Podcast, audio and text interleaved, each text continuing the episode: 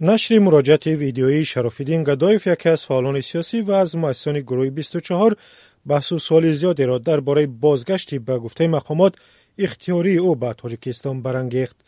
Ҷузъиёти бештарро дар ин бора аз ман тоҳирӣ сафар бишнавед. Баъди нашри видеоҳои зиёди тарғиботии расонаҳои давлатӣ дар бораи ӯ مخالفان دولت مراجعت ویدیوی شرافیدین گدایف را نشر کردند که در آن می‌گوید اگر در تاجیکستان پیدا شد پس او را ربودند چون هیچگاه اختیاری برنمیگشت و به حکومت تسلیم نمی‌شد. شرافیدین گدایف که در هلند حق پناهندگی سیاسی دارد یکی از فعالان سیاسی در خارج بود که پیوسته سیاست های حکومت تاجیکستان را با ӯ то замони пайдо шудан дар душанбе раиси ҷунбиши ислоҳот ва рушди тоҷикистон буд ки узви эътилофи созмонҳои мухолифи давлат бо номи паймони миллии тоҷикистон аст. Дар муроҷиати видеоӣ ки паймони миллии тоҷикистон рӯзи 19 декабр дар шабакаҳои иҷтимоӣ нашр кард шарофиддин гадоев мегӯяд ман ин видеоро сабт мекунам ки яке агар мабодо ман дар телевизиони давлатии тоҷикистон ё аз тариқи ягон шабакаҳои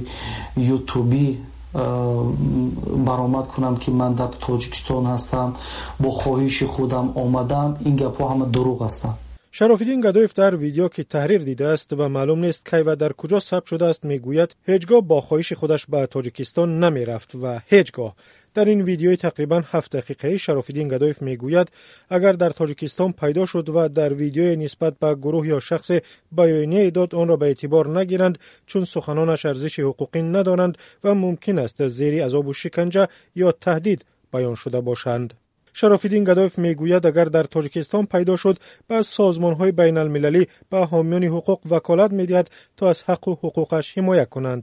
Виктория надеждина вакили дифои шарофиддин гадоев рӯзи бистуми феврал ба радиои озодӣ гуфт ки баъди дар тоҷикистон пайдо шудани ӯ аз вазорати умури хориҷии русия сабабҳои ин қазияро пурсиданд вай афзуд дар вазорати умури хориҷии русия ба мо расман посух доданд ки шарофиддин гадоевро дар қаламрави русия бо назардошти ду дархости расмии сурхи интерпол дастгир карданд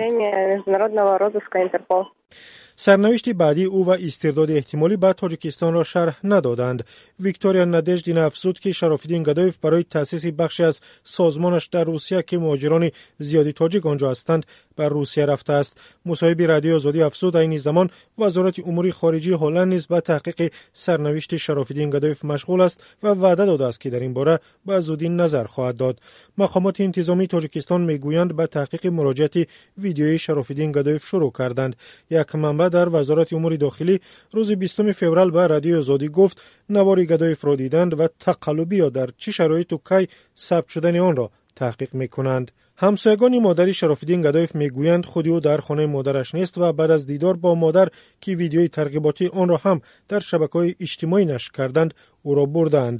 муроҷиати видеои шарофиддин гадоев чаҳор рӯз баъд аз он нашр шуд ки вазорати умури дохилӣ эълон кард шарофиддин гадоев дар روزی 14 فوریه اختیاری از مسکو به دوشنبه برگشت و خود را به مقامات انتظامی تسلیم کرد. کاربران شبکه های اجتماعی گفتند در رفتار شرافالدین گدایف سالهای زیادی را خلق کرده است. از جمله در این باره که چرا ویدیو را قبل از رفتنش به روسیه نشر نکرد و چرا با وجود آگاهی زیاد از شرایط روسیه که گمانبران تاجیک را به آسانی به تاجیکستان استرداد می‌کند به این کشور رفته است. شرافالدین گدایف به قاچاق ماشین و ساختکاری اسناد متهم می‌شود و 5 سال اخیر در جستجو قرار داشت. وزارت امور داخلی روز 15 فوریه گفت شرافالدین گدایف که موقتا در شهر اندهاونی هلند زندگی می‌کرد روز 15 فوریه به شعبه وزارت کارهای داخلی در دوشنبه اختیارا حاضر شد و اظهار کرد که از کردارهای کردش پشیمان است و اختیارا با خطسیر مسکو دوشنبه به وطن برگشته است. بعد از این هر روز در شبکه های اجتماعی